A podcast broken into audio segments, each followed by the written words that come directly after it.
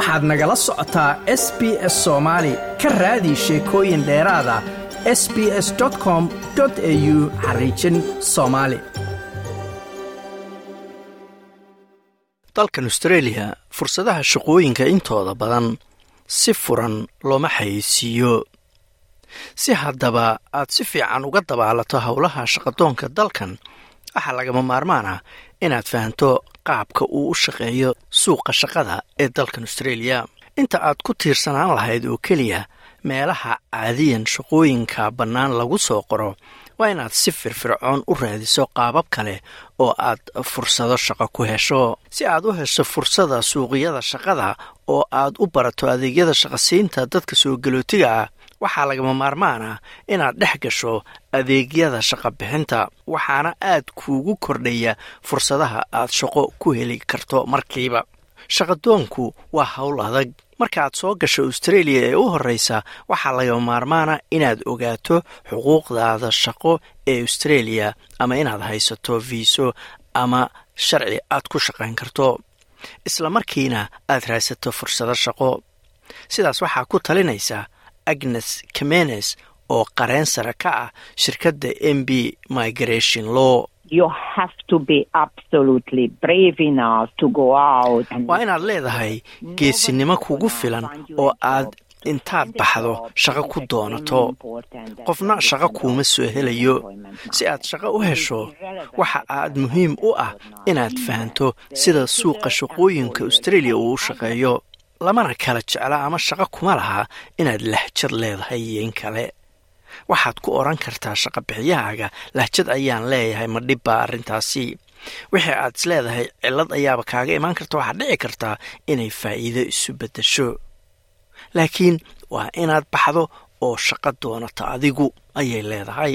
Si aad u bilowdo shaqa raadintaada waxaa la galaa websaytyada shaqooyinka sida seek career one jora iyo baraha bulshada sida linkedin oo aad ka heli karto macluumaad qiimo leh oo ku saabsan shaqooyinka bannaan iyo shaqooyinka aadka loogu baahan yahay. Waxaa kale oo aad la xiriiri kartaa hay'adaha dadka shaqooyinka la raadiya. Waa tan mar kale miss kamenes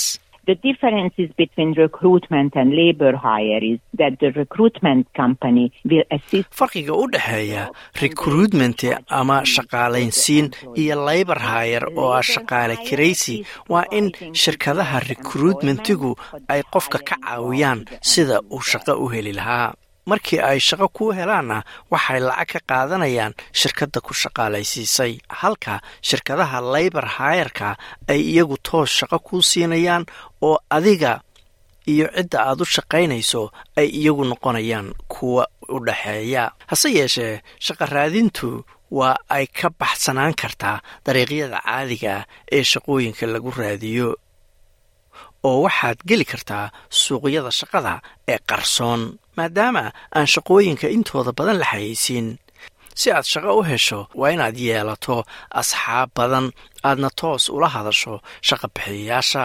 Tallaabooyinkaas waxaa ka mid noqon kara inaad fursadaha ka eegto meelaha facebookyada laga furo oo dadku mararka qaarkood shaqaale ka qortaan iyagoo aan shaqadaasi si babliga u xayeysiin waxaad sidoo kale la xiriiri kartaa adeegyada shaqaalaynta qaxootiga iyo soo galootiga. Tusaale ahaan settlement services australia oo ah urur aan faa'iida doon ahayn oo dadka dhaqamada kala duwan siiya tababaro iyo dariiq ay shaqo ku helaan. Barnaamijyada s s i waxay gaar ahaan caawiyaan bulshooyinka qaxootiga iyo soo galootiga sida ay leedahay jodi laskani oo ah madaxa adeega shaqada ee s s i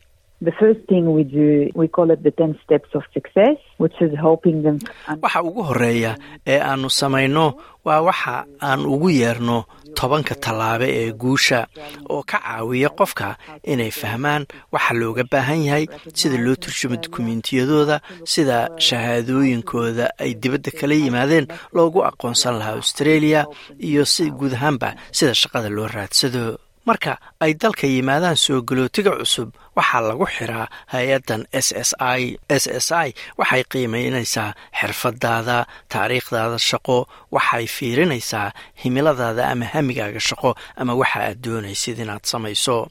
Barnaamijyadaas ayaa lagu baraa dadka sida rusumeega loo qoro ama warqadaha taariikhdaada shaqada iyo tan waxbarasho iyo siday ugu qaabayn lahaayeen rusumeegaas dalkan australia ayna si qoto dheer u fahmi lahaayeen suuqa shaqada.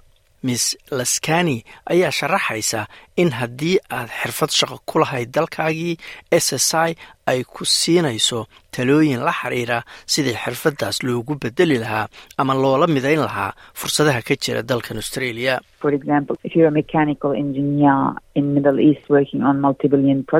Tusaale ahaan haddii aad ka ahayd mechanical engineer bariga dhexe oo aad ka shaqaynaysay mashruuc balaayiin doolara sidee ayaad lugta ula geli kartaa shaqooyinka dalkan australia ma bilaabi kartaa inaad meel kale ka shaqayso inta aad marayso tallaabooyinka aad xirfadaadii dibadda loogu aqoonsanayo australia. Ma sii hagaajin kartaa ama ma sii kororsan kartaa luqadaada af ingiriiska. Kalsoonidaada ma sii dhisi kartaa. Xiriiro bulsho ma samaysan kartaa sababtoo ah dhammaanteen ugu dambaynta waxaanu doonayno waa inaannu shaqo helno ayay tiri. Hay'adda amis australia ayaa sidoo kale siisa ama bixisa adeegyo shaqadoon qaxootiga iyo soo galootiga iyadoo isticmaalaysa barnaamijyo ay dowladda federaalka ahi maalgeliso ujeedooyinkooduna waa in la qaado caqabadaha hortaagan in qaxootiga ama soo galootigu ay shaqooyin helaan. Sida ay leedahay lorin well oo ka tirsan amis waxay hay'addani kordhinaysaa oo kor u qaadaysaa xirfadaha iyo khibradaha ay soo galootigu la yimaadaan.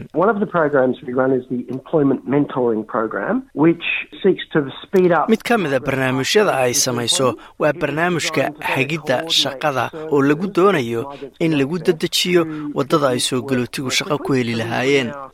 Waxaa loogu talagalay sidii si fiican la isugu duwi lahaa adeegyada soo galootigu ay shaqooyin si deg dega ugu heli lahaayeen. Barnaamijyadaasuna waa kuwo lacag la'aana. Ames ayaa sidoo kale bixisa waxaa loo yaqaano skilled professional migrants program oo ah koorso deg dega oo soo galootiga shahaadooyinka haysta shaqo loogu raadiyo Participants receive advice about how to do an interview in Australia, how to write a resume, which are very different. In dadka ka qayb gala barnaamijkan waxaa la siiyaa talooyin la xiriira sida waraysiyada ama interviwyada shaqada loo sameeyo sida loo qoro resumeega ama taariikhdaada shaqo iyo tan waxbarasho oo ah kuwo caadiyan ka duwan sida dalalka kale loo qoro. Waxay kaloo sameeyaan barnaamijyo dadkaas lagu hago oo mentoring waxaa la yidhahdo loogu sameeyo oo lagu xiro qof australiyaana oo xirfadaas ama shaqadaas ka shaqeeya.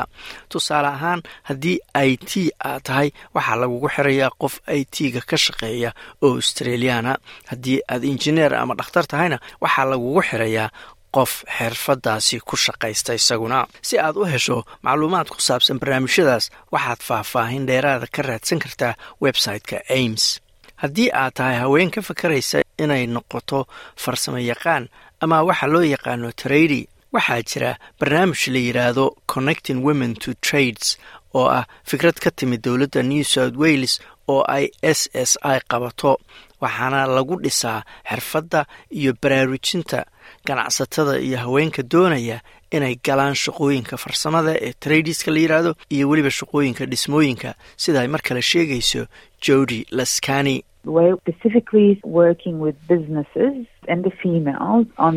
waxaan si gaara ula shaqaynaa ganacsatada iyo haweenka sidii ganacsatadaas awood loogu siin lahaa inay marka hore shaqaaleeyaan kadibna hayaan awoodna siiyaan haweenka shaqooyinka farsamooyinka doonaya inay galaan. Hindisahan ayaa lagu garawsanayaa muhiimadda ay leedahay in haweenka awood dhaqaale la siiyo sababtoo ah haweenayda iyada oo keliya ka faa'iidi mayse waxay taageeraan oo iyaguna ka faa'iidaya qoys dhan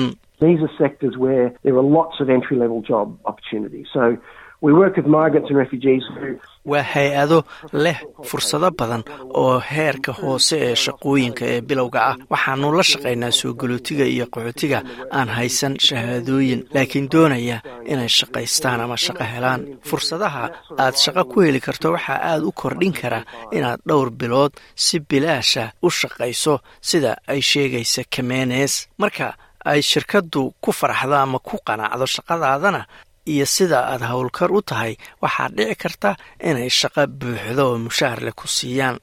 Miss kamenes ayaa sidoo kale ku talinaysa inaad sii baarto heerka mushaar ama mushaarooyinka la bixiyo. Ma doonaysaa sheekooyinkan oo kale? Ka dhegayso apple podcast google podcast spotify ama meel kasta oo aad bodkastigaaga ka hesho